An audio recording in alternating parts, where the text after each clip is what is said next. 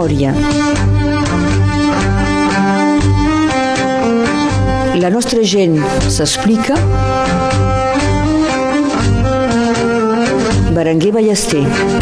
Soc a l'Ajuntament d'Illa per fer memòria amb un home que ha treballat molt per la memòria d'aquest país i de la seva gent, coneix molt bé els arxius, és un home que trobem en moltes de les iniciatives culturals d'Illa, els Amics Sardanistes d'Illa, el Fogar dels Joves i d'Educació Popular d'Illa, les Argines, l'Estudiantina, el Coll dels Ous, l'Associació Memòria, els Amics de la Casa Samsó, més recentment una nova associació, l'IPV Català, és adjunt per la cultura, el patrimoni i la seguretat a Illa, fins fa poc referent catalanitat al Consell Departamental, ha escrit un munt d'articles sobre diverses recerques que ha fet sobre la història d'Illa.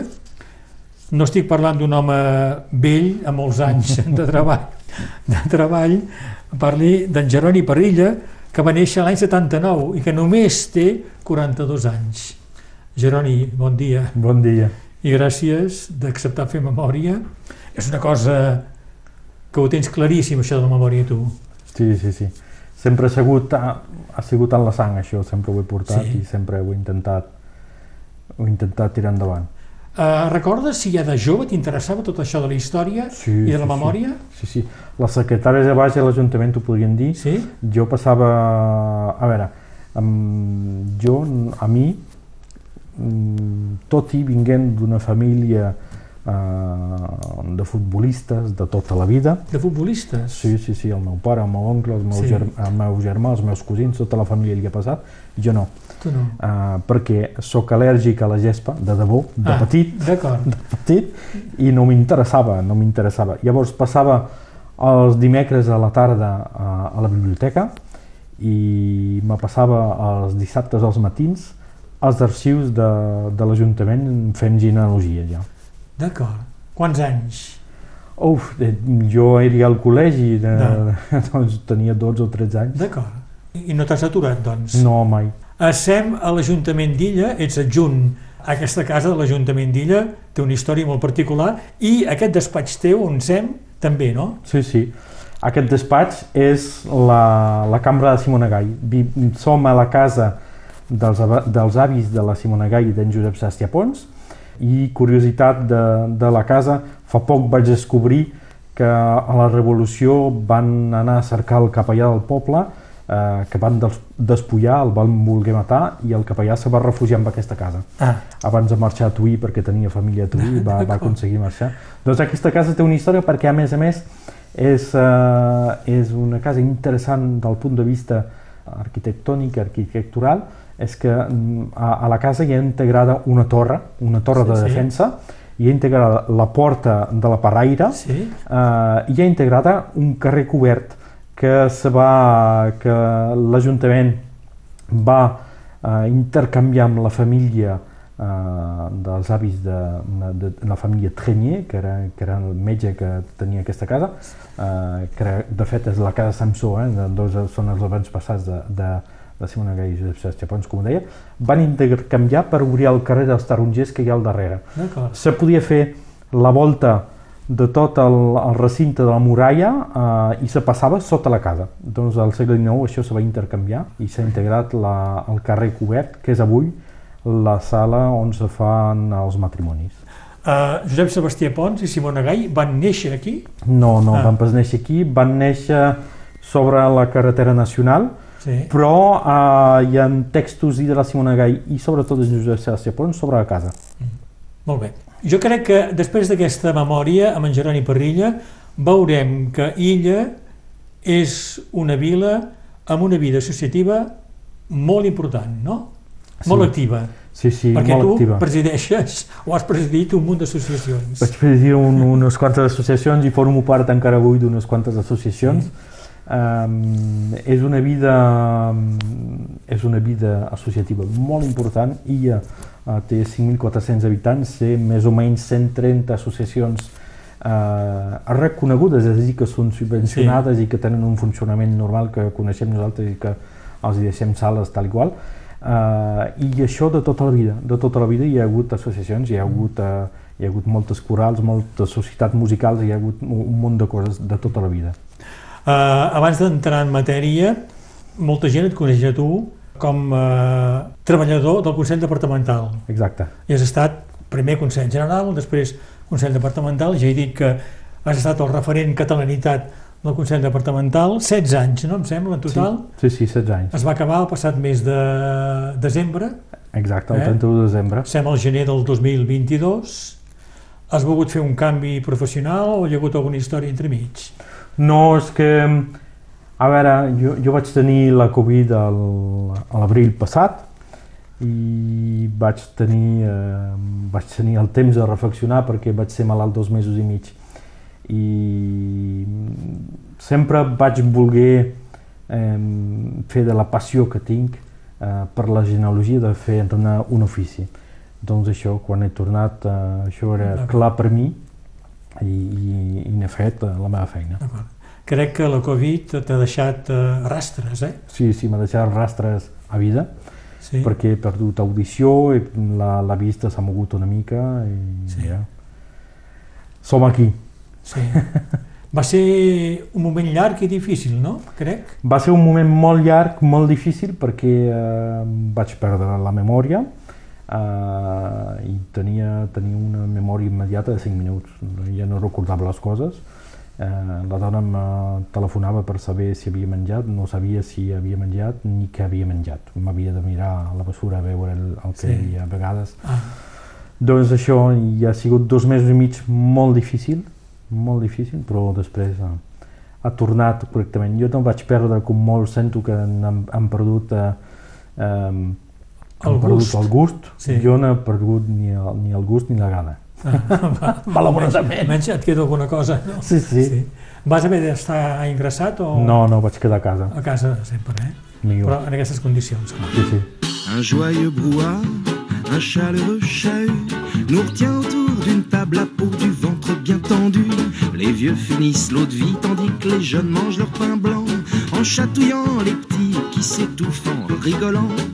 Les repas le dimanche midi, comme je sais plus qui disait.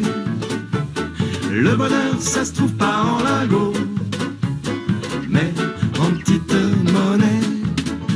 Une forte tête blonde termine sous la menace ses minuscules dés de viande en faisant la grimace. Il en donne un sur deux au chien, moi j'y vois clair dans son petit jeu. Il me supplie du regard, alors je ferme les yeux. Repas le dimanche midi, comme je sais plus qui disait. Le bonheur, ça se trouve pas en lingot, mais en petite monnaie. Le bébé en bout de table sur sa chaise d'arbitre, surveille d'un œil abstrait l'arbre généalogique. Dire qu'on vénère tellement ce petit La grand-mère l'embrasse en rital, je vous jure que c'est mieux avec l'accent. Ça me rappelle quand on était gamin, c'est nos prières en italien. J'ai longtemps cru que Dieu était rital, mais maintenant je sais bien qu'il est américain.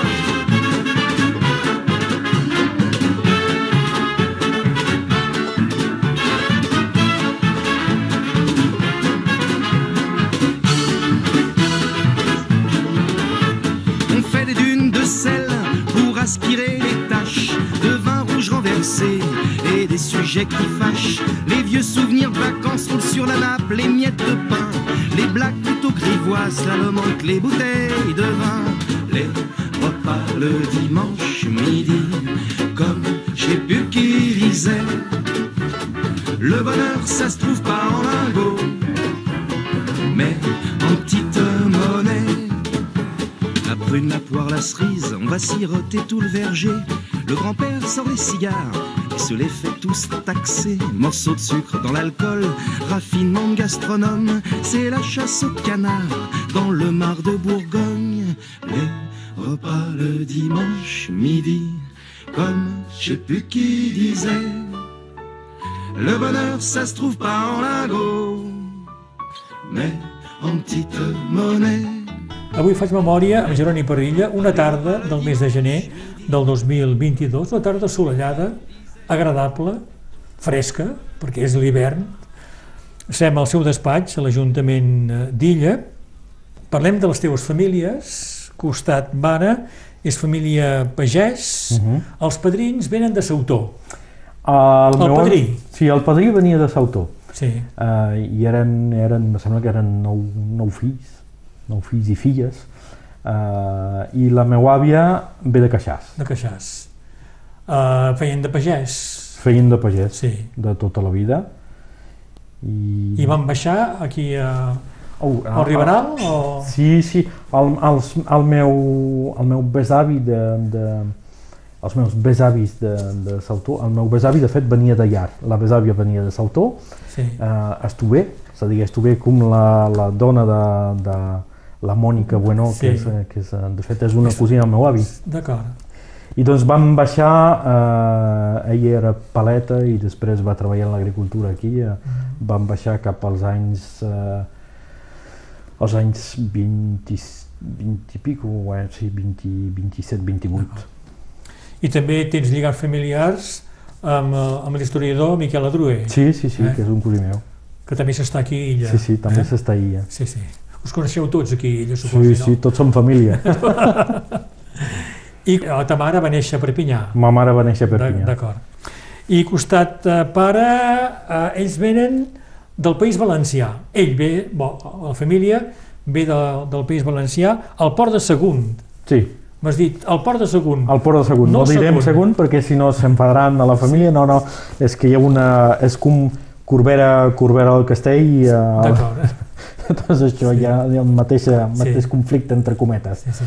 Doncs sí, el meu pare va néixer al Port de Sagunt i va arribar amb els meus avis, que ells eren de, de Castella-La Manxa. Eh, va, el meu pare va arribar als 60 a Illa. Venien a cercar eh, treball. Sí, sí, venien a cercar treball, sí, sí. Què van fer aquí? Què van poder... Van treballar a l'agricultura També, clar. eh, i de tota la vida han sigut agricultors. Ja el meu avi a València va ser agricultor.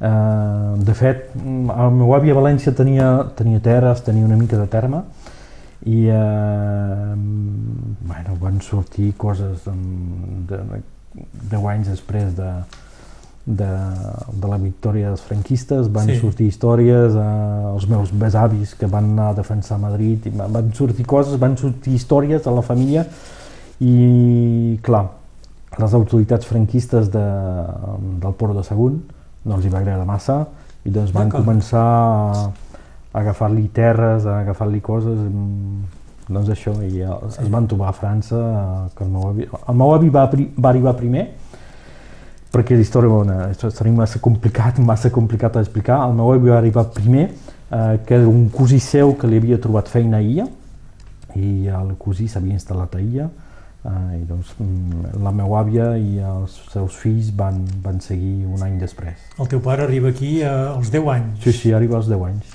Eh, Com, com va anar la integració? Tu ho explicaves? Uh, L'integració a Illa, uh, encara avui te pots passar el dia sense parlar ni una paraula de francès. Te pots passar el dia parlant castellà, parlant català, te pots passar la vida així uh, Doncs va ser tranquil·lament. fàcil. Sí, sí, sí. Tenim, jo diria cap al 70%, 75% de la població que té un, un vincle, eh, que té família o a l'Estat- espanyol o a Catalunya. Molt sovint les famílies que són aquí a Illa, eh, que són d'origen espanyol, Mm. eh, venen d'Andalusia i venen d'un poble d'Andalusia, Alcalá de Valle. D'acord. Hi ha aquesta, hi ha aquesta tradició de que les famílies d'Alcalà... És clar que uns porten els altres, també, Sí, eh? sí. Jeroni Parrilla, tu neixes al 79, bé, neixes a Perpinyà, però la família s'està aquí a Illa. Sí, Vas a escola a Illa. sí. Quin record tens de, de l'Illa dels anys 80, quan ets veïnatge, adolescent? Com era Illa? Fa jo 40 recordo, anys. fa 40 anys jo recordo d'una vila pròspera, eh, de molts préssecs, hi havia el mercat a l'engròs encara al Sí. final. Jo recordo tot just, era petitet quan va plegar el mercat a l'engròs, um, i, i sempre ha sigut una vila molt animada, amb molta animació, amb molta, molta, molta vida. Uh, i, I jo um, recordo, tinc un record de, de quan es va obrir la, la via ràpida que hi ha ara. Uh, tinc un record ben clar d'aquest dia, d'aquests dies, perquè se va obrir en, en diverses etapes, i, i uh, el, el, el flux de vehicles que hi havia al poble, que de cop i volta havia desaparegut. Clar, clar. I, I feia molt estrany això, te deies, mare de Déu. Perquè la gent que venia de Prado o de Cerdanya Sí, i anava a passava Perpinyà, per- passaven pel sí, mig sí, de- sí, d'Illa. Sí, sí. Sí, sí. I jo recordo també un, un record quan se va destruir el pont de la Teta Illa, també, també el recordo ben bé aquest pont, encara hi ha, hi ha els peus de, de, del pont. I, I també recordo un dels records eh, de, de l'escola, dos records de l'escola, el primer són els cursos de català a l'escola maternal, a principis dels 80, i els donava un, un conseller pedagògic, un cert Roger Ull, un cert Roger Ull. El- el famós Roger Rull de la Sardana, sobretot. Exacte, exacte.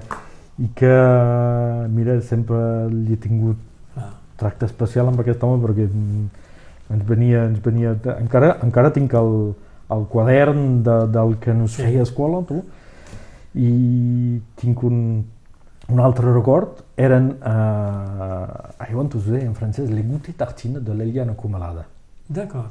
i això mm, una vegada cada 15 dies o cada mes, no recordo, a primària era això l'Eliana Comalada venia a escola eh, i feia, feia un torrat de pa, un torradet de pa amb, eh, amb, amb figues, amb xocolata, amb... Sí. I això és un record ben particular que tinc també. Després la Liana faria els tallers de cuina Sí, catalana aquí a Illa. exacte. I, i, I un record de l'escola, si m'ho permetes, Sí, el primer ordinador que va arribar a l'escola, que feia el tamany d'aquest despatx, i que i, i tenia disquets així, que, a, a, aquest el recordo, eh? era el 88 o 87, fins i tot va sortir a l'ENDEP que teníem un, teníem un ordinador a l'escola. i el podíeu utilitzar els alumnes? O era una cosa Era, mestre i ah, llavors, prou? era del director i després eh, funcionava, teníem una xarxa, hi havia uns, quart, uns quants ordinadors, eren Thomsons d'aquestos Sí. que tenies el, el llapis digital que podies dibuixar a la pantalla, que dibuixaves, no sé, el que podies dibuixar, perquè Sí. eren coses rares, però els recordo aquests ordinadors, el recordo, ahir el, el, el del, del director, el Sí. recordo ben bé. Jeroni, el català, doncs, el tens de d'Illa, de l'escola, amb el Roger Rull, i també a la família? Sí, de la família, perquè clar, els meus avis materns um, parlaven, parlaven en francès. Era, era curiós, era, era un, tracte, un tracte curiós perquè els avis materns sempre han parlat... Jo, jo tinc... Ma mare són quatre filles i dos fills. Amb els fills sempre han parlat en català, els avis. I amb les filles no. D'acord. I era molt escàs, molt I escàs. són més joves, les filles? Sí, no, no Ah. forçosament, no, no. I és un és curiós. I el que és estrany, bé, de quan en quan els sortia una catalanada per mig Sí, de la frase. Uh, jo recordo uh, la, la, una de les meves ties que vivia a París i un dia ve un dels seus veïns uh, de vacances i el meu avi uh, li presenta le champ de carxofa, uh, per exemple. això, això ho recordo. Ah, sí, sí. I Sí, sí. doncs això, això, i jo amb els meus avis, amb la meva àvia encara avui parlem català com, com més, més sovint possible i el que intento fer amb, el, amb els meus fills també. I els teus pares, eh, a tu et parlaven francès? A mi em parlaven francès. Sí. Ah, sí, l'altra curiositat de la família és que, com ho deia abans, te pots passar tota la vida a IA mm, sense parlar, tota la vida no, però el 90% del temps sense parlar francès. Els meus avis mm, van viure, paterns van viure 40 anys a IA sense parlar francès, parlaven, parlaven castellà. Sí. I doncs quan arribaves a casa dels avis, eh, un parlava en castellà, l'altre contestava en català, i un Sí. en francès, un pel mig, Una barreja, vaja. Sí, sí, sí, sí. I, i recordo un dia l'infermera que arriba a casa dels meus avis i li diu, Maria, em fa bon olor aquí dintre, què, què esteu fent per allà? I la meva àvia que li, contesta, una cuixa de poll a l'horno. doncs això, Sí, sí. aquesta gràcia Sí. és una cosa, el melanjau que, Ah, sí, sí, el melanjau, que, que se parla aquí, té, té, té, té aquesta gràcia i, Sí, sí. i, El melanjau que s'ha estudiat, lingüísticament s'ha estudiat. Jeroni Parrilla, escola i col·legi a Illa, Liceu a Prada, i el 98 tens 19 anys, vas a, a Perpinyà a la universitat, Sí, a l'Institut Franco-Català Transfronterer, on fas la llicència de Llengua i Literatura Catalanes. exacte. Aquí ja el català i el domines. Sí, sí, sí, sí, sí. Jo vaig tenir la sort durant tota l'escolaritat, eh, doncs maternal Sí. Roger Ull, a primària encara seguia en Roger Ull i, i ens venia a fer quatre cursos de català eh, l'home de la profe de CO2.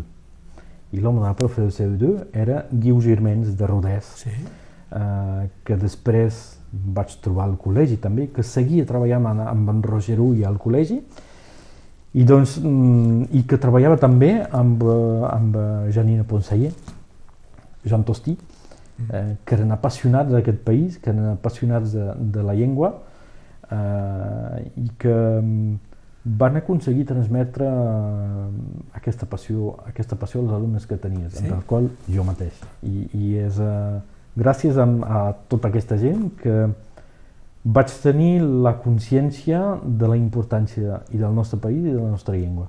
Sovint quan als anys 80-90 eh, els cursos de, de català eren eh, eh, podar la vinya, no sé què, no, no, això no, això no.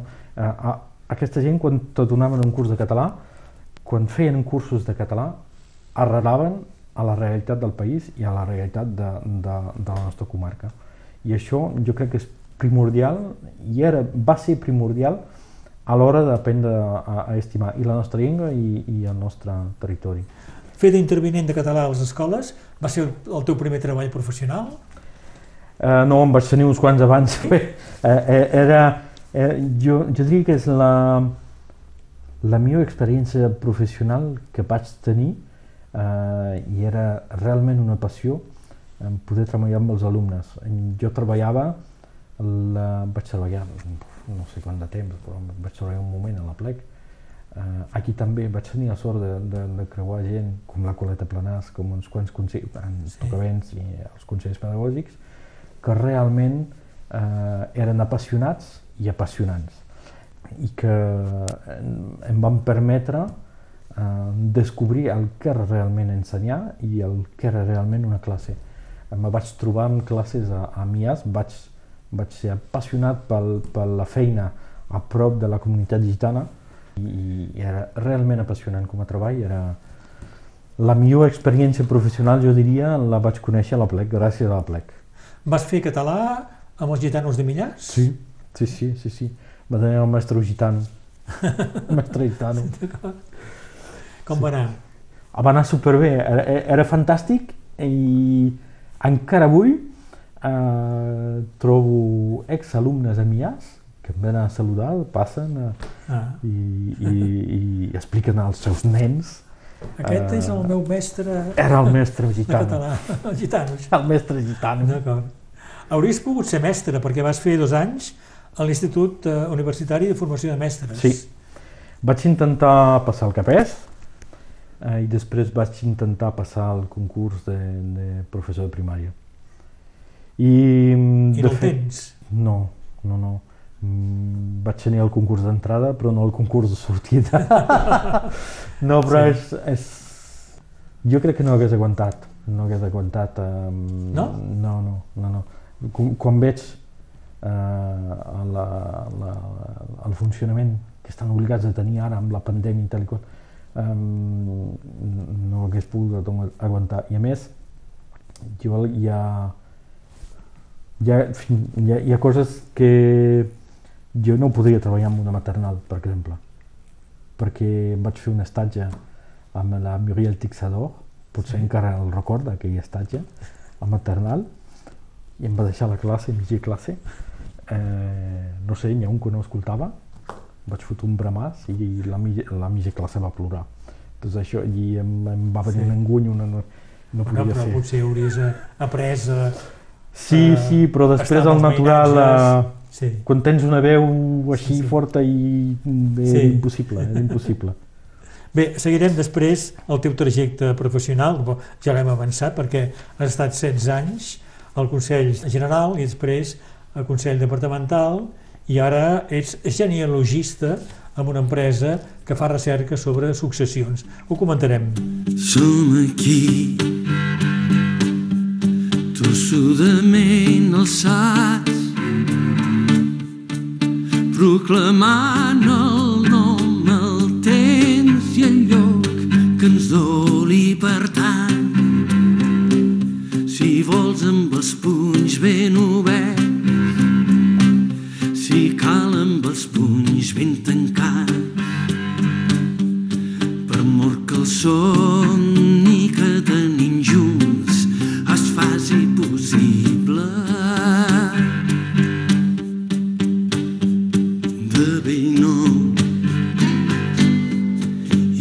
I deslliurats d'enyors, d'allà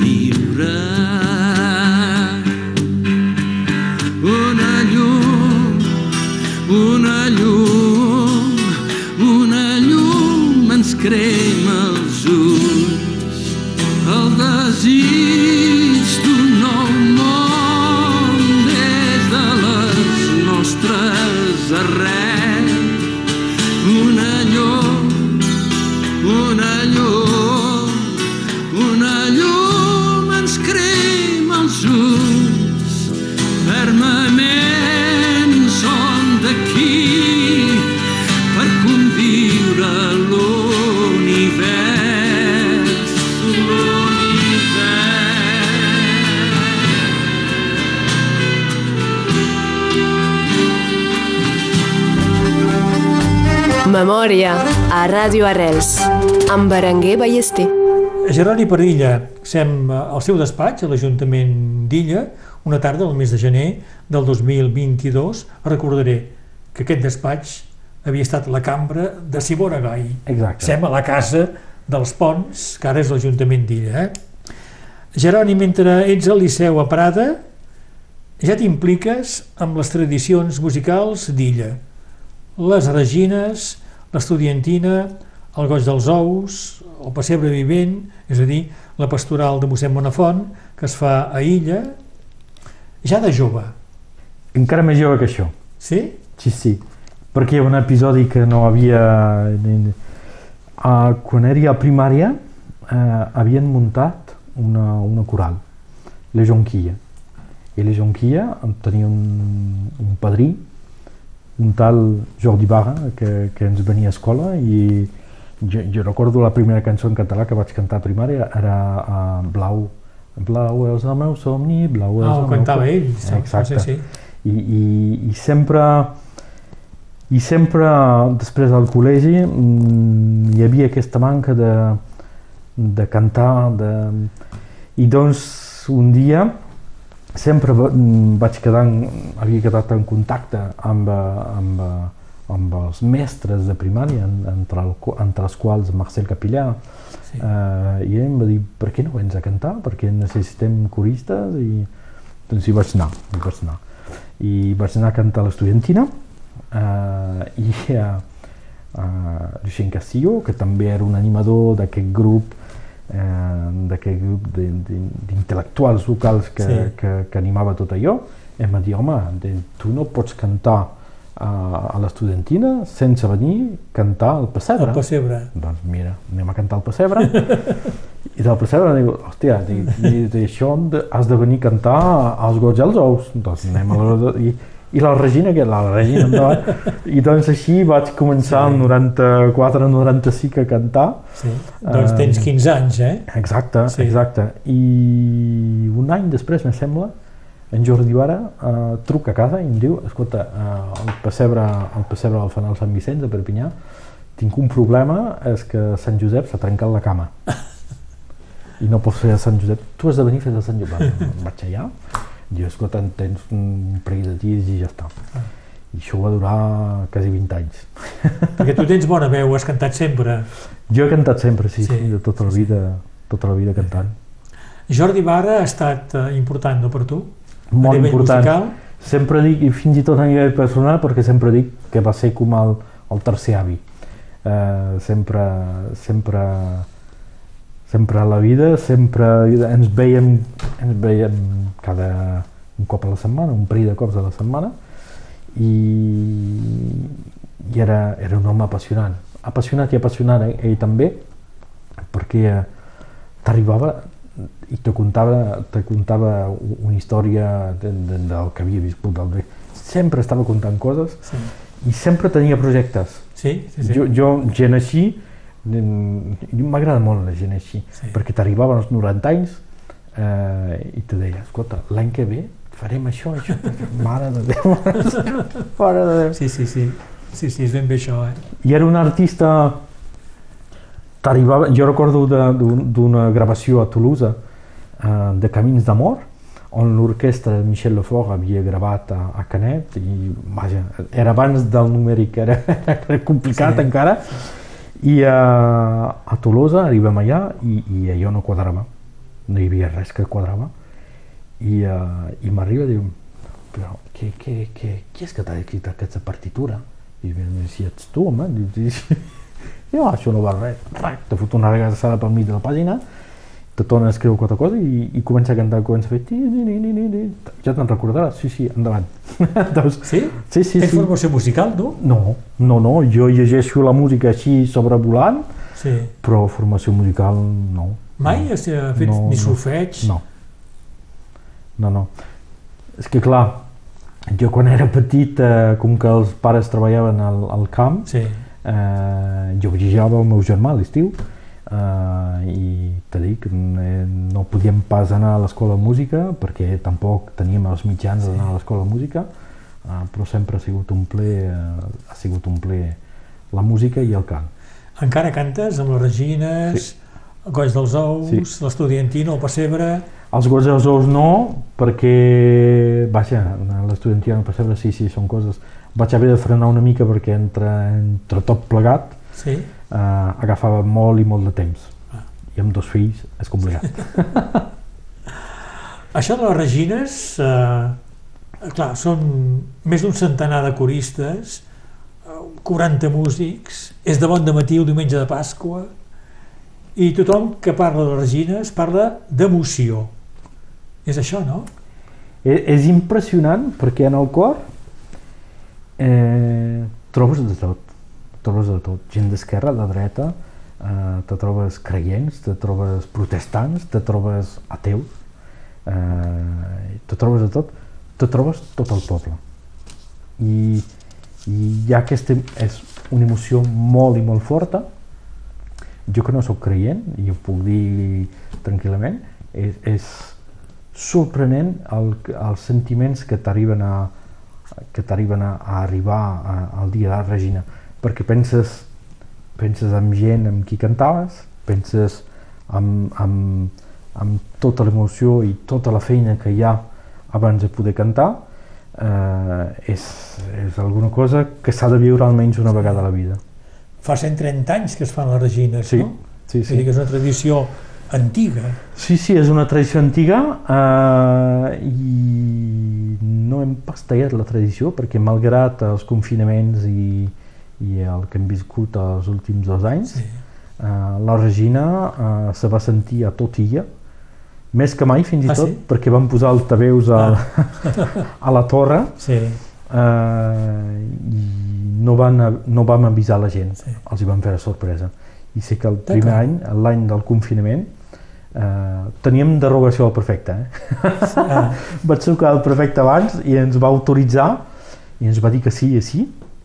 I, i doncs vam posar els altaveus, vam posar la Regina eh, i va ser una emoció molt forta. Hi ha gent que ens va escriure a l'Ajuntament per donar les gràcies. Hi ha gent que van descobrir la tradició Regina eh, que van trucar a la gendarmeria i mira i l'any passat eh, perquè clar, els tambors desperten el poble abans de la Regina és a dir, que els tambors cap a les 5 5 i mitja, 5 i mitja ja comencen a, a tocar. Es passegen pels, sí. pels carrers d'Illa. Sí, sí, sí, sí. I doncs el, el 2020 no ho vam poder fer, però l'any passat vam obtenir la derogació, ho vam fer. Ho vam fer. I això faltava molt a la gent i mira, això és una cosa que s'ha mantingut i gràcies sí, sí. perquè molt fort. L'emoció deu ser sobretot per la gent d'Illa que ho identifica com a propi, no? Això de les Regines. Sí, sí, sí. Jo crec que és una mica... A veure, um, això, això entre tu i jo, no, és, no, és, no, no. sent ningú. Jo és com la festa de l'os sí. cap al Vallespí, que no aniré a veure mai. No? No, perquè és seu. És seu, su, ah. su, i, i, i sa, a veure, la, la, la Regina, jo crec que... Uh, Vols que vingui la gent de fora? Sí, doncs? sí, bo, vull que vingui la gent de fora, però el que vull dir, per sentir l'emoció de la festa de l'os, uh, s'ha de ser al Vallespí. Sí, sí, sí. Jo si vaig allà i no m'expliquen res, sí, no, no sí, sí. Veure, veus un os a córrer, caçadors i, i el ball de la planxa i ten, sí, sí. el ball de la post i vaja, uh, són coses s'ha d'explicar, s'ha d'explicar jo crec que la gent abans de venir abans d'anar a la festa d'os ha d'entendre s'ha d'informar exacte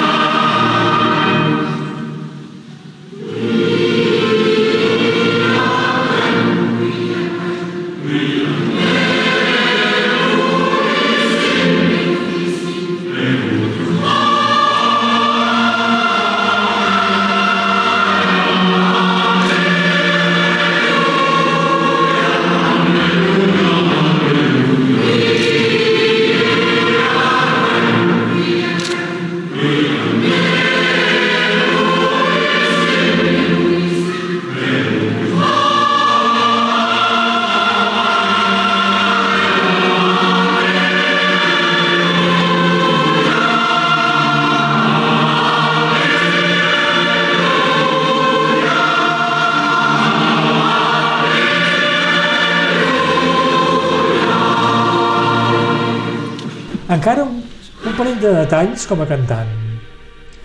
Aquí al teu despatx ja veig fotografies on hi ha dues fotografies de tu amb el Cristian Burquen. Sí.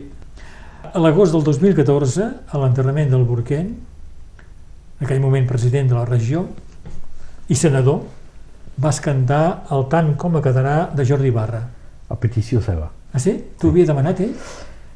Uns dies abans hi havia la Fera de Mias i uh, i vaig cantar la missa a la fèria de Mias com cada any i a finals de la missa ja, ja estava, pobret, estava cansadíssim em va venir a veure, em va agafar pel braç com, com ho feia sempre amb tota la gent i em diu, aquesta me la tornes a cantar aviat, eh? I dic, sí home, sense cap problema, com vulguis ja, ja s'ho tenia estudiat i quan els de la funerària me van telefonar per me dir que, que havia de cantar vaig dir, home, sí quan et va dir el Burquen, Cristian Burquen que aquesta me la cantaràs aviat, no pensaves no. en la seva mort.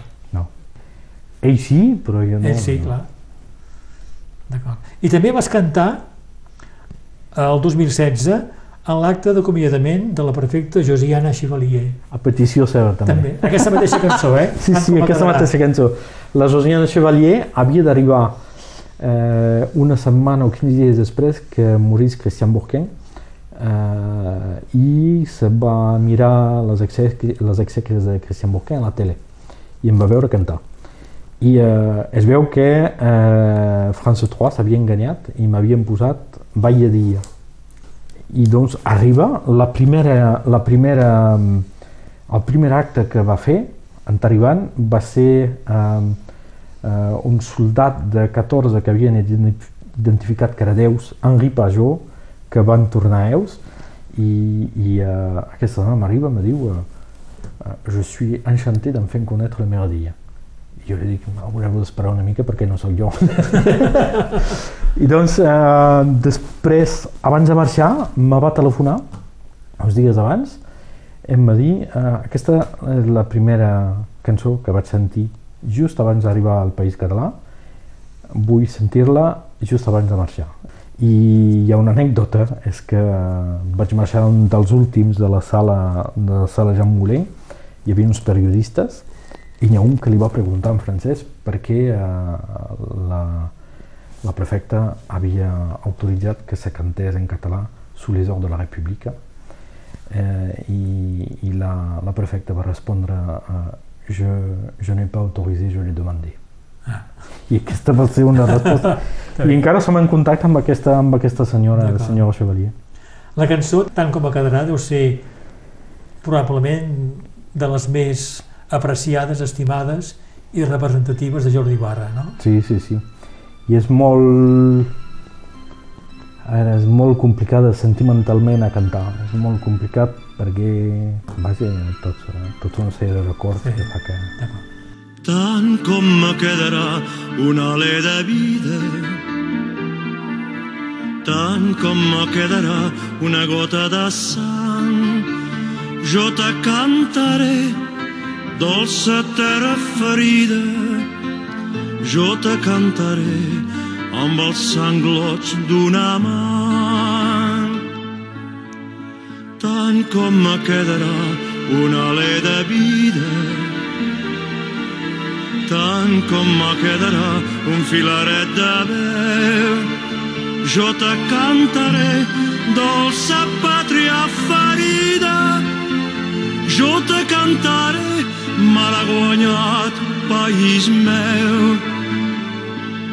M'és igual si ja mil poetes, m'és igual si ja mil pintors han comptat tes amoretes, han glorificat tos colors. Amorosos de collire, amb adalits del canigú, alabant el ple de viure sota el cel blau de Rosselló.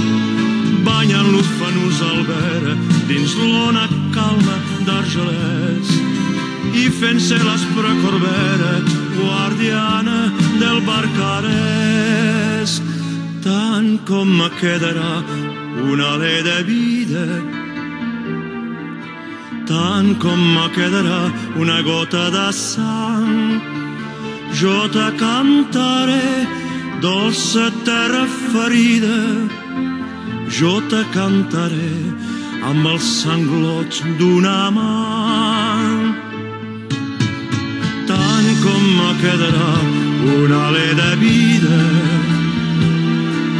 tant com me quedarà un filaret de veu, jo te cantaré dolça pàtria ferida, jo te cantaré malaguanyat país meu. Memòria a Ràdio Arrels amb Berenguer Ballester. Sem a l'Ajuntament d'Illa, Jeroni Parrilla, ets elegit des del 2001, 2001. fa 21 anys. Exacte. Ara ets adjunt a la cultura, al patrimoni i a la seguretat. Va ser elegit com a membre del Partit Socialista? Sí. Ja no ets més al partit? No. No, no. Vaig plegar del Partit Socialista fa uns quants mesos. Però sóc d'esquerra. I moriré sent d'esquerra un, una anècdota, parlaven, parlaven de, de, de l'entero de Christian Bourquet. Hi havia una tradició amb en Christian, és que quan acabava de cantar jo me posava a la seva hora el puny alçat de tota la vida, de tota la vida. I vaig fer el mateix davant del taüt. De... I François III va tallar el, ah, sí? moment, el moment amb el puny alçat. I vaig alçar el puny a un metre d'un tal Manuel Valls, que va demanar al seu veí qui és aquest tio. Està bé. doncs has tingut una vida política, militant de partit, doncs de, del PS. Va ser, de fet, eh, ja de jove secretari de les Joventuts Socialistes sí. de Catalunya Nord. De Catalunya Nord, sí, sí. sí, sí. Tenies una carrera política prometedora quan eres jove? Ai, no, no, vaja, jo de carrera política, jo no sóc un polític de, de professional Um, soc d'esquerra, moriré d'esquerra, però el meu partit és la gent. Després, eh, carrera política no hi vull pensar, no hi penso i ni, ni hi pensaré mai, perquè no, no m'interessa. No m'interessa. Jo Però quan, que- quan de jove ja ets eh, membre del partit, de les Joventuts Socialistes, vol dir que vols fer carrera política o és que simplement no, vols no. treballar... Jo volia canviar les coses. Volia ajudar a que canviessin les coses. Pensava en aquell moment que fins i tot ser militant de la base uh, se podia canviar les coses. Uh, avui veig que els partits és una cosa molt complicada, uh, sigui de dreta o d'esquerra, eh? Mm, qualsevol partit és una cosa molt complicada i que um, la realitat a la capital, mm, sigui París, sigui Barcelona, no és pas la, la realitat del carrer i de la vida del quotidià de, de les persones. I això hi ha, hi ha un real trencament entre les direccions dels partits, els que viuen realment dels partits i els que militen. És aquesta la raó per la qual has deixat el Partit Socialista? Entre altres sí. Entre altres sí. Jo no... Vaja, ara s'està parlant d'eleccions presidencials, eh, se parla més de gent que no pas de programes o... o, o hosti, jo no sé, la societat, la gent, eh, els hi has de proposar un progrés. Els hi has de proposar un progrés. L'únic progrés, els únics que porten eh, un, un, una idea de canvi, malauradament, són els partits de dreta i d'extrema dreta, que, que haurien de ser conservadors i els canvis que proposen no són els bons per a la societat, jo no crec. Jo no crec.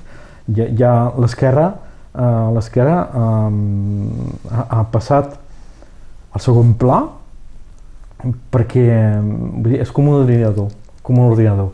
No han canviat el xip, no ha canviat el xip, ha canviat la societat, molt, massa potser, massa, eh, amb el món globalitzat i, i no s'ha sabut adaptar a l'esquerra. Vull dir, no, no, fas, no fas política avui eh, com se feia eh, als anys eh, 70-80.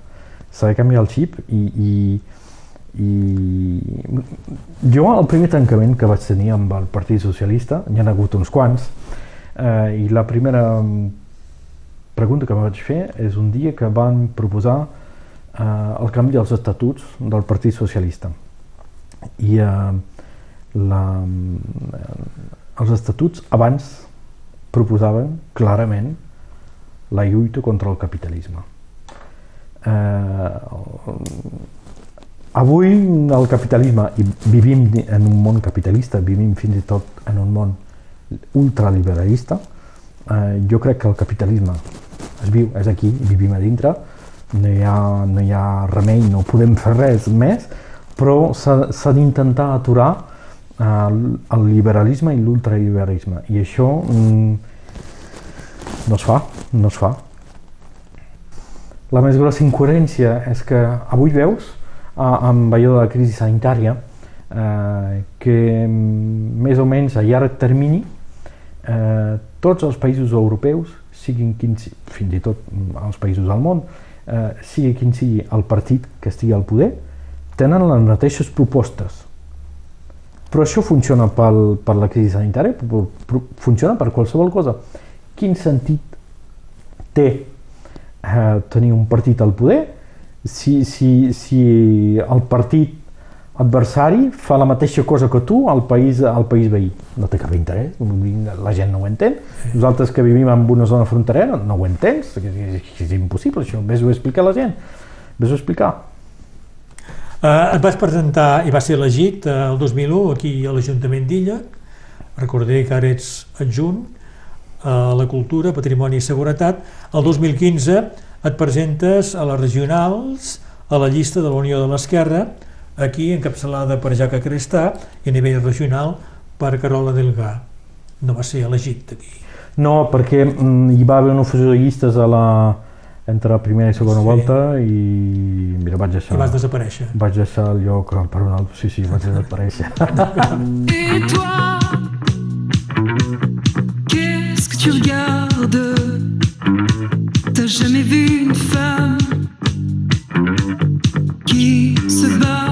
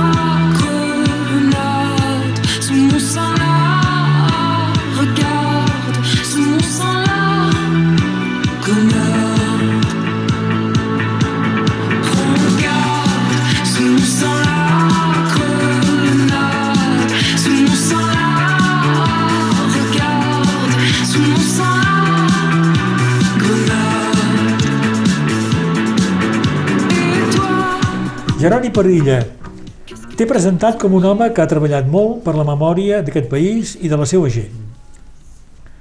Ets un home d'arxius. Sí. Això t'ha portat a, a un canvi de treball i ara ets genealogista eh, amb una empresa que fa recerques sobre successions, eh, per, per simplificar. Deu ser interessant, no, això? És super interessant perquè eh, és una mica com anar a la caça. Sí. Eh, Te'n vas, no saps ben bé quina pista agafaràs, però... Hi ha un ja- moment que trobes, no? Sí, sí, sí, Sí. I quan trobes és super interessant, Sí, sí, sí. és super... eh, El 2005 participes a la creació de l'associació Memòria, que ha treballat en la recerca sobre els grups de treballadors estrangers, refugiats de la retirada del 39, que eren als camps i que s'anaven a cercar, que els anaven a cercar per fer-los treballar per pocs sous, eh? Suposo, Sí. eh? Eh, vosaltres heu fet eh, homenatges, especialment els que van venir aquí a Illa. Sí. En van venir molts, no? Em va venir, van venir tres grups, mm, més o menys representa 300 persones, més o menys. Vam trobar les famílies, jo diria, de, de la meitat. Eh, n'hi ha que van, hi ha famílies encara ahir de, de gent es van que quedar, eh? Sí, sí, sí, que es van quedar. I, i l'interessant és que vam, vam obrir una caixa.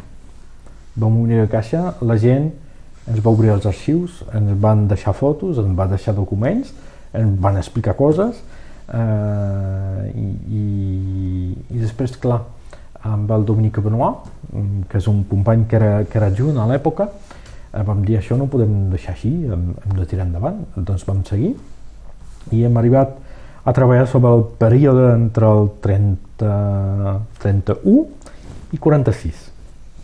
31 per què? Cosa que trobem, una cosa que trobem als arxius municipals en les deliberacions del Consell Municipal.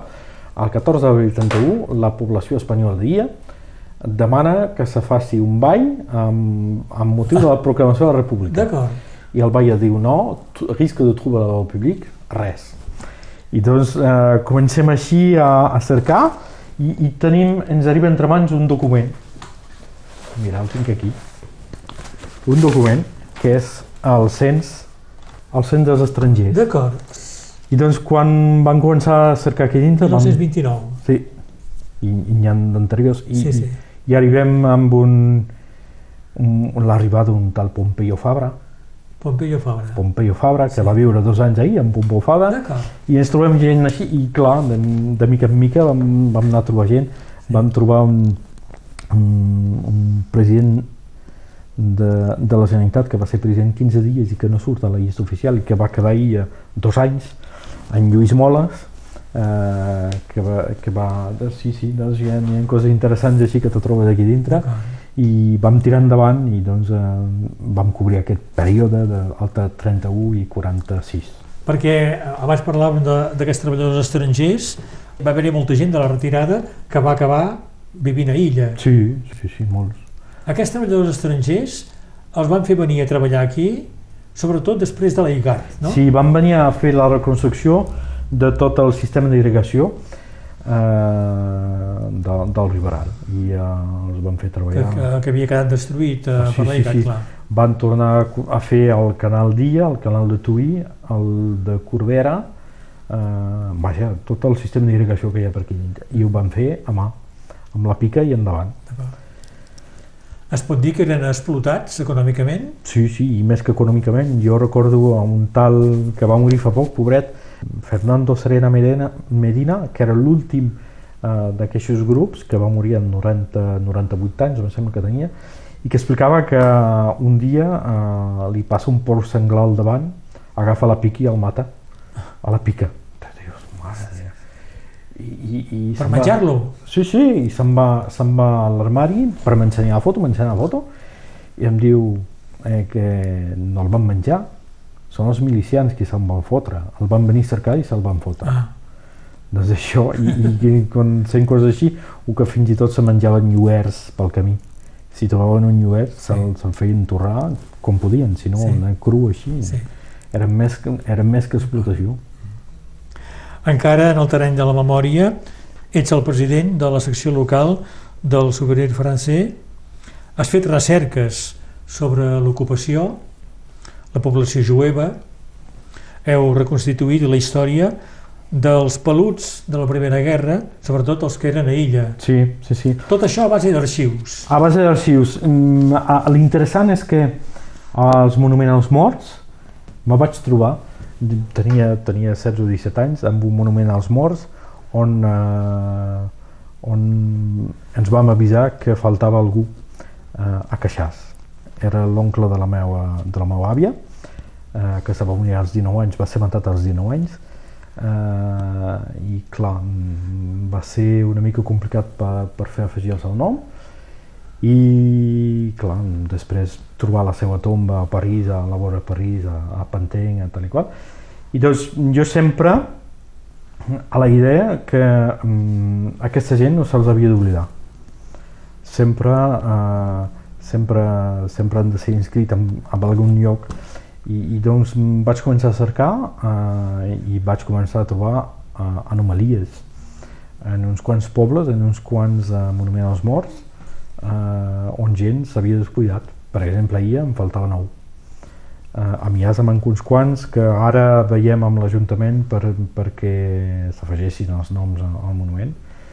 Doncs això, l'interès l'interès és de que tinguin, que tinguin constància i, i presència en el seu poble. Quan expliques aquest interès, aquest interès teu o vostre, és un interès eh, que també es desperta en l'altra gent, en els municipis on vas a explicar Sí. que falten Sí, aquests sí, noms? perquè els interessa, Monument sempre els interessa, sempre interessa als municipis, sempre interessa a la gent. Sí? Eh, per exemple, quan, quan vas a l'Orellà i que els dius, home, Sí.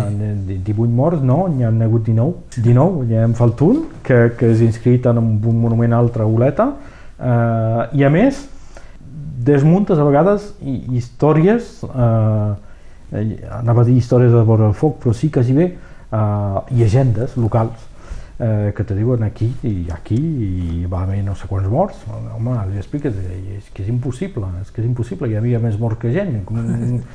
doncs això i, i és, són estadístiques, són dades que, que dones a la gent i que li expliques. Eh, com, eh, com pots explicar també eh, la, la, la posició del monument als morts al Firar a la Illa o al cementeri amb altres rurals.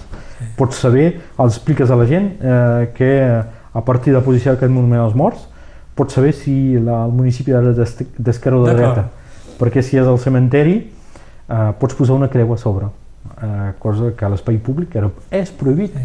amb la llei de 1905, doncs mm, són tot ple de coses que pots explicar. I pots explicar també, eh, l'interessant és la, la feina de, de, de Raymond Sudre, que, que és eh, l'escultor que va fer eh, la gran part dels monuments als morts de, dels Pirineus Orientals, de Catalunya.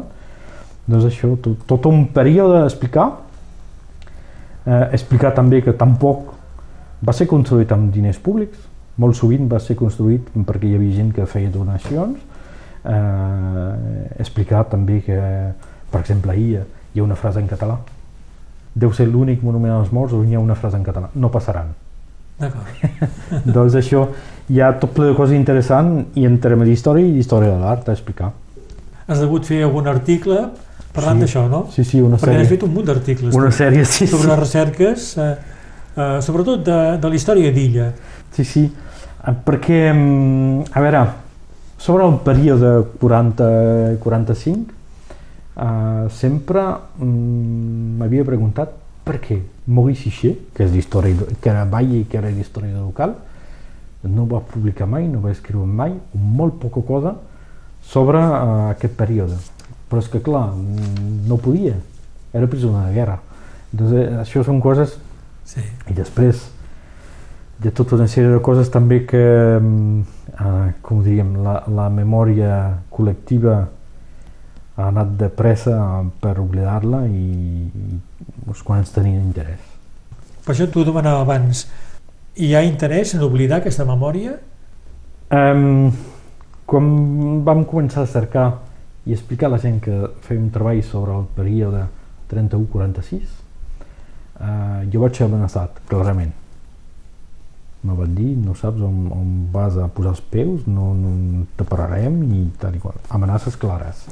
No per la cosa de l'ocupació, sobretot? Sí, sí, so- sobretot. Sobre, però, però no forçosament perquè um, sobre els espanyols, sobre els exiliats espanyols, Sí. hi ha la, la, després hi ha l'oposició entre la UNE i, Ah. i, i la CNT.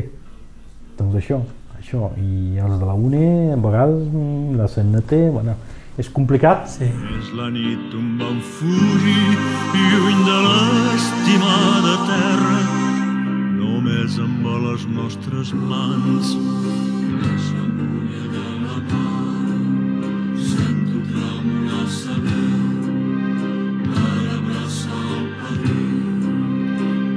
tinc ben present encara aquell ample signe de creu nit on vam fugir. Fora del poble, ensupit, el campestre descansava, gronxat pel cant del toro, sol del romani florit, més generós escampava el seu perfum dins cel picallós de mil estrelles que el feien centellejar. De terra pujava el vel d'una mala de d'ovelles arramides dins l'andar. A quatre passes del cau, un llapí ric de serena, cap dret ensumava el vent i la mar del mateix blau anava besant l'arena amb iguals llavis d'argent. També aquí com allà s'assemblaven les figueres com rajaven el camí i el dolç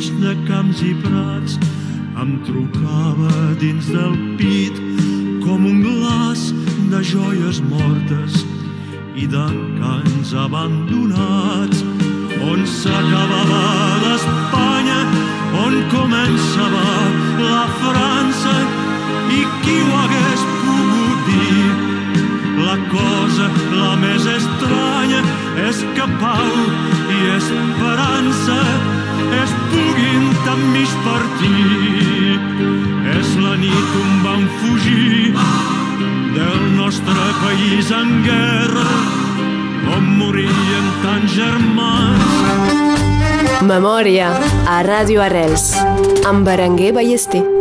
Jeroni Padilla, i encara per anar acabant ja eh, el tema de la memòria, hi ha una nova associació que veu crear l'estiu passat, l'estiu Sí, del l'agost. 2021, l'IPV català, eh, amb la voluntat d'instal·lar també aquí a, a Catalunya Nord aquests pavés, aquestes llambordes, pedres, no? Sí. amb l'inscripció del nom de la persona en record de les víctimes eh? Sí, sí. de, del nazisme. És una idea d'Alemanya, en primer És una moment, idea no? d'Alemanya, és un artista alemany que ho fa, Sí. um, i jo mm, cercant, fent les recerques i amb totes les dades que teníem, eh, jo vaig pensar que no n'hi havia prou en publicar articles. Publicar articles està bé, eh, els, els quaderns de, de, de, de l'eBay són Sí. sí. 500 més o menys lectors, però l'interès és que cada persona eh, pugui saber el que va passar al poble. Vam començar el 2018, vam, vam, vam fer una, una placa, eh, un monument al cementeri eh, a la memòria de les víctimes de, de, del nazisme, eh, amb uns versos de, de, de l'Alain Torinyà. Eh, I, de fet, quan vam, vam posar aquest monument sobre la placa, me vaig avisar unes quantes setmanes després, perquè havíem trobat les famílies, unes quantes famílies ja de jueus, me vaig enviar unes quantes setmanes després que hi havia unes petites pedres sobre, sobre la placa. Uh, I de fet, uh, això vol dir uh, que un jueu ha passat per aquí i ha tingut la memòria de... I vaig pensar, vaig dir, és que això és anònim, això és anònim. Les víctimes de la deportació, siguin jueus, siguin deportats polítics, siguin deportats homosexuals, siguin per qualsevol raó que hagi sigut deportat, eh, s'ha de tornar la seva identitat i la seva història. I la seva història i la seva identitat comença a l'última casa on va viure. Per exemple, a la vora, a la vora d'aquest ajuntament, al carrer de la Muralla, just a la vora, hi ha hagut quatre, quatre estacions, quatre deportacions. I això ningú ho sap, ningú ho sap, mm, perquè, perquè era tabu, fins i tot és tabu, encara avui. Fins que eh, el 2018, amb, aquest, amb el motiu d'aquest monument, va muntar una mini exposició entre cometes i aquí també van sortir de les caixes unes fotos, van sortir de les caixes una, unes, de les golfos unes quantes coses entre les fotos hi havia uh, la de la nena que vivia en aquest carrer, al carrer de Muralla, eh, i que quan em parlen les àvies, que eren a, a classe seva, ploren, encara avui ploren, eh, i això... Va això ser és, deportada? Va ser deportada, va morir en deportació, tenia 8 anys, va ser deportada amb la seva mare i la seva àvia, el seu, avi, el seu pare ja havia sigut deportat, Uh, I doncs això, vam pensar, vam dir, hem de fer alguna cosa, però no forçosament amb un lloc determinat on surti una llista, uh, però ha de ser una, una, una memòria individual, individual, i, i que la gent sapigui que a Hortafà hi van haver tres arrestacions a la vora de, de l'església, ahir hi va haver, hi va haver més d'una quinzena d'arrestacions, n'hi va haver una mica per tot arreu. I que la gent que visita aquest país i la gent que viu en aquest país eh, entengui que Mauthausen comença al carrer a, de la vora de casa a les 6 de la matinada un dia d'hivern. I això um, jo crec que és primordial. Com ho deia jo sóc d'esquerra i moriré d'esquerra eh, i moriré lluitant contra els extremismes, extremismes a, a qualsevol sigui i, i, i això en fa part. Freude, Freude, Freude, Freude, schöne Götterfunken, betreten himmlische dein Heiligtum. Deine Zauber fast in ohne Strengigkeit. Alle Menschen werden Brüder, wo dein sanfter Flügel weit.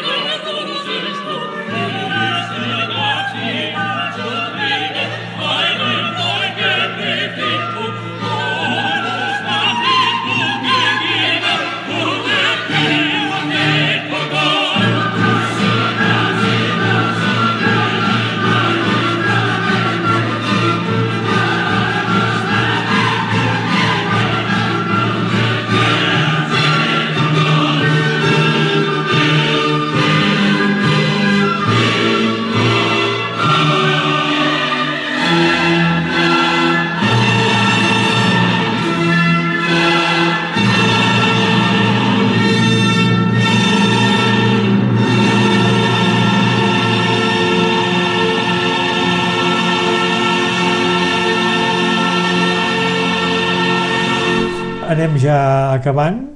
Podríem haver parlat també de l'associació Hispanilla, que presideixes, creada el 2009. que té un interès, que tenia, vam, vam, tot va vinculat més o menys. Sí. Uh, el 2009 la vam crear, en, ens va venir a veure una, una senyora, uh, el seu home uh, s'acabava de morir i formava part del grup de treballadors estrangers. Ah.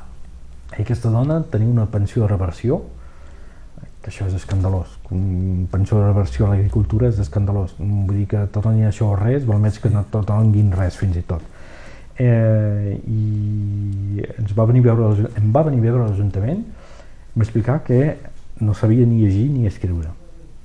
I aquest dia va xocar del dit una realitat, és que encara avui una gran part d'aquesta població eh, no sap ni llegir ni escriure i se'ls ha d'ajudar.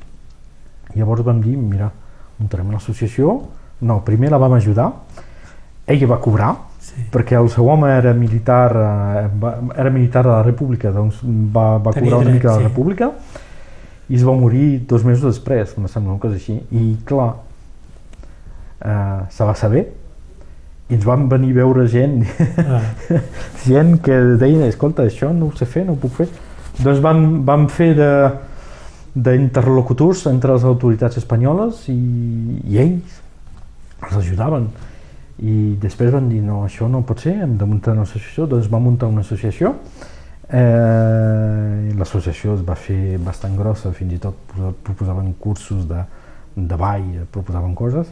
I ara aquesta associació són, són jo diria, unes 50 persones, vídues, que bé totes, eh, i l'interès d'aquesta associació és que surtin de casa una vegada a la setmana. Fan una rifla, eh? cada dissabte, Sí. Deu ser l'única rifla bilingüe castellà, castellà-francès a, a Catalunya Nord, però l'interès que surtin de casa Sí. i que si tenen un problema eh, ens poden, Sí, poden sí. veure gent de l'associació i expliquem, els expliquem una mica i els ajudem. D'acord. També hauríem pogut parlar dels Amics de la Casa Samsó, Sí. Ets membre fundador, Sí. creada el 2013. La- L'associació, de fet, l'idea d'aquesta casa, l'idea de Casa Samsó, mm, quan la vam comprar, hi havia uns quants projectes, eh, entre els quals, entre els quals, quan se va crear l'UPLC després, eh, vam proposar aquesta casa per ser seu de l'UPLC. Aquesta casa és l'Ajuntament, eh? Sí, sí, sí, abans que fos l'Ajuntament, perquè és l'Ajuntament només fa dos anys, dos Sí. anys, sí, sí. Uh, I després, clar, uh, vam, vam anar a cercar fons europeus per uh, fer projectes culturals uh, i no vam, no vam aconseguir i, i no, jo no podia deixar uh, morir aquesta casa. Llavors vam, vam decidir traslladar l'Ajuntament vell, aquí, de la plaça, plaça del Blat, antiga plaça del Blat, Sí. aquí. I crec que és, un, que és un èxit, perquè fins i tot anar a l'Illa Vella era complicat. És més visible, eh? Sí, També és sí. aquí la ruta. Sí, sí, a més aquesta torre, Sí, Vam- és un vam- lloc simbòlic també sí, sí, sí, sí, vam tirar... Clar, forma part de l'identitat Sí, sí. del poble. I doncs els amics de la Casa Samsó, eh, la, que presideix la Teresa Dalmau, l'idea és de fer viure el patrimoni literari dia, que és molt important, que és primordial eh, i, que, i que la Teresa fa molt bona feina, l'associació fa molt bona feina de- d'ençà d'ençà la creació. La Teresa ja ho ha explicat en aquesta sèrie d'emissions Memòria, com vaig anar a casa seva, aquí, a Illa. Bé, arribem ja a la fi d'aquesta memòria amb en Jeroni Parrilla, una tarda del mes de gener del 2022, al seu despatx a l'Ajuntament d'Illa. La primera cosa que m'ha dit quan he arribat, diu, aquesta és la cambra de la Simona Gai. Doncs eh, estem allà on va viure eh, la Simona Gai, és la casa de la família Pons. T'he demanat músiques, Sí, per tu ha de ser fàcil, o difícil, perquè hi ha tantes músiques al teu cap, suposi, no? difícil, fàcil i difícil, perquè, clar, no, com deies, hi ha tantes músiques, hi ha tantes coses que m'agraden i, mira, hi ha artistes actuals que m'agraden molt, moltíssim fins i tot, eh, sigui, sigui a Catalunya, sigui a l'estat francès. Eh, bueno, a- als anglesos no, perquè no tinc dificultats amb l'anglès, Sí. diguéssim. Aviam, què posem? Benavar, la petita Monet. És que clar, mm, explica tota, tota la història d'una família i del dinar de família, com a mi m'agrada, eh, que sempre tens 30 persones a casa amb, amb això, doncs això és una mica, una mica la meva visió de la família. Sí. Tossudament alçats de Lluís Llach, perquè hem de quedar tossudament alçats, Sí. sí. sigui qui sigui el perill. La nit on vam fugir de Jordi Barra, Sí. de Jordi, imprescindible per mi. Eh, la sinfonia número 9 de Beethoven, Quin moviment? Lo de la joia, lo de la No, joia, el, sí, sí, l'himne europeu, el que Sí, sí, sí, diuen ara l'himne europeu, eh, que- s'ha d'escoltar la lletra, que és super interessant la lletra i, i, molt forta, Sí. molt més forta de, de, del que pensem. I una altra cosa que no té res a veure, eh, Clara Luciani, Su mon cœur la Granada. Ah, Eh, això vol dir que sempre hem de ser revoltats i que sempre, sempre hem de ser atents i, Uh, probablement també hauré de posar el tant com a quedarà Sí, de Jordi Vara, que has cantat, sí, recordaré, en més d'una ocasió, Davant en moments precisos, eh? davant del Ja ho has explicat. Sí. T'hagués pogut, t'hagués pogut explicar també sí. eh, un, el Congrés de Valles a París, sí? a, a, al restaurant de l'Assemblea Nacional. Què vas cantar aquí? Eh, vaig, vaig cantar l'estaca, eh, i, però com, com que no em veien de l'altra punta del restaurant, eh, Piero i Legàs me, fa, me va fer pujar a la taula amb la napa blanca, tot, tot posat Va cantar l'estaca? Sí, cantar l'estaca al mig de l'Assemblea Nacional. tot. I la vaig cantar al Senat, la vaig cantar... Sí, sí. D'acord. Sí. I vas explicar què era l'estaca? Sí, D'acord, Sí, sí. molt bé. Sí, sí, perquè molts sabeuen allò de l'USAP i no, no, sí, no. és més que això, eh? Això, És molt més que això. molt més, molt més. I això ens D'acord. has d'explicar. D'acord. Jeroni Parrilla, molt content que hagis acceptat fer memòria. Tu que la memòria la tens com un dels teus objectius a la teva vida, ja ho has explicat molt bé, tots aquests anys eh, volent recuperar la memòria del país i de la seva gent i gràcies també d'haver-me acollit aquí al teu despatx a l'Ajuntament d'Illa una tarda del mes de gener del 2022. Jeroni, gràcies. Bon Gràcies dia. a tu, Bon gràcies. Por llanuras y montañas, guerrilleros libres van, los mejores luchadores del campo y de la ciudad. Los mejores luchadores del campo y de la ciudad ni el dolor ni la miseria nos impedirán vencer. Seguiremos adelante sin jamás retroceder. Seguiremos adelante sin jamás retroceder las banderas de combate como mantos cubrirán a los bravos guerrilleros que en la lucha caerán. A los bravos guerrilleros que en la lucha caerán. Nuestros jefes nos ordenan atacar para vencer. Venceremos al fascismo sin jamás retroceder. Venceremos al fascismo sin jamás retroceder. Venceremos al franquismo en la batalla final. Camaradas, muera Franco, viva nuestra libertad. camaradas, muera Franco, viva nuestra libertad. Aquest és l'himne dels guerrillers cantat per eh, Federico Montoya i Jeroni Parilla. Un dels treballs de l'Associació Memòria ha estat la recuperació de les cançons de resistència dels anys 30 i 40. Me'n vaig. Hem estat eh, més d'una hora enregistrant i hi ha altra gent que espera ser rebuda per ell, com a adjunt al batlle per la cultura, el patrimoni i la seguretat d'Illa. Encara té temps, però, de mostrar-me des del balcó del seu despatx les obres de rehabilitació i adaptació de la Casa Samsó per instal·lar-hi l'Ajuntament. Memòria. La nostra gent s'explica. Berenguer Ballester.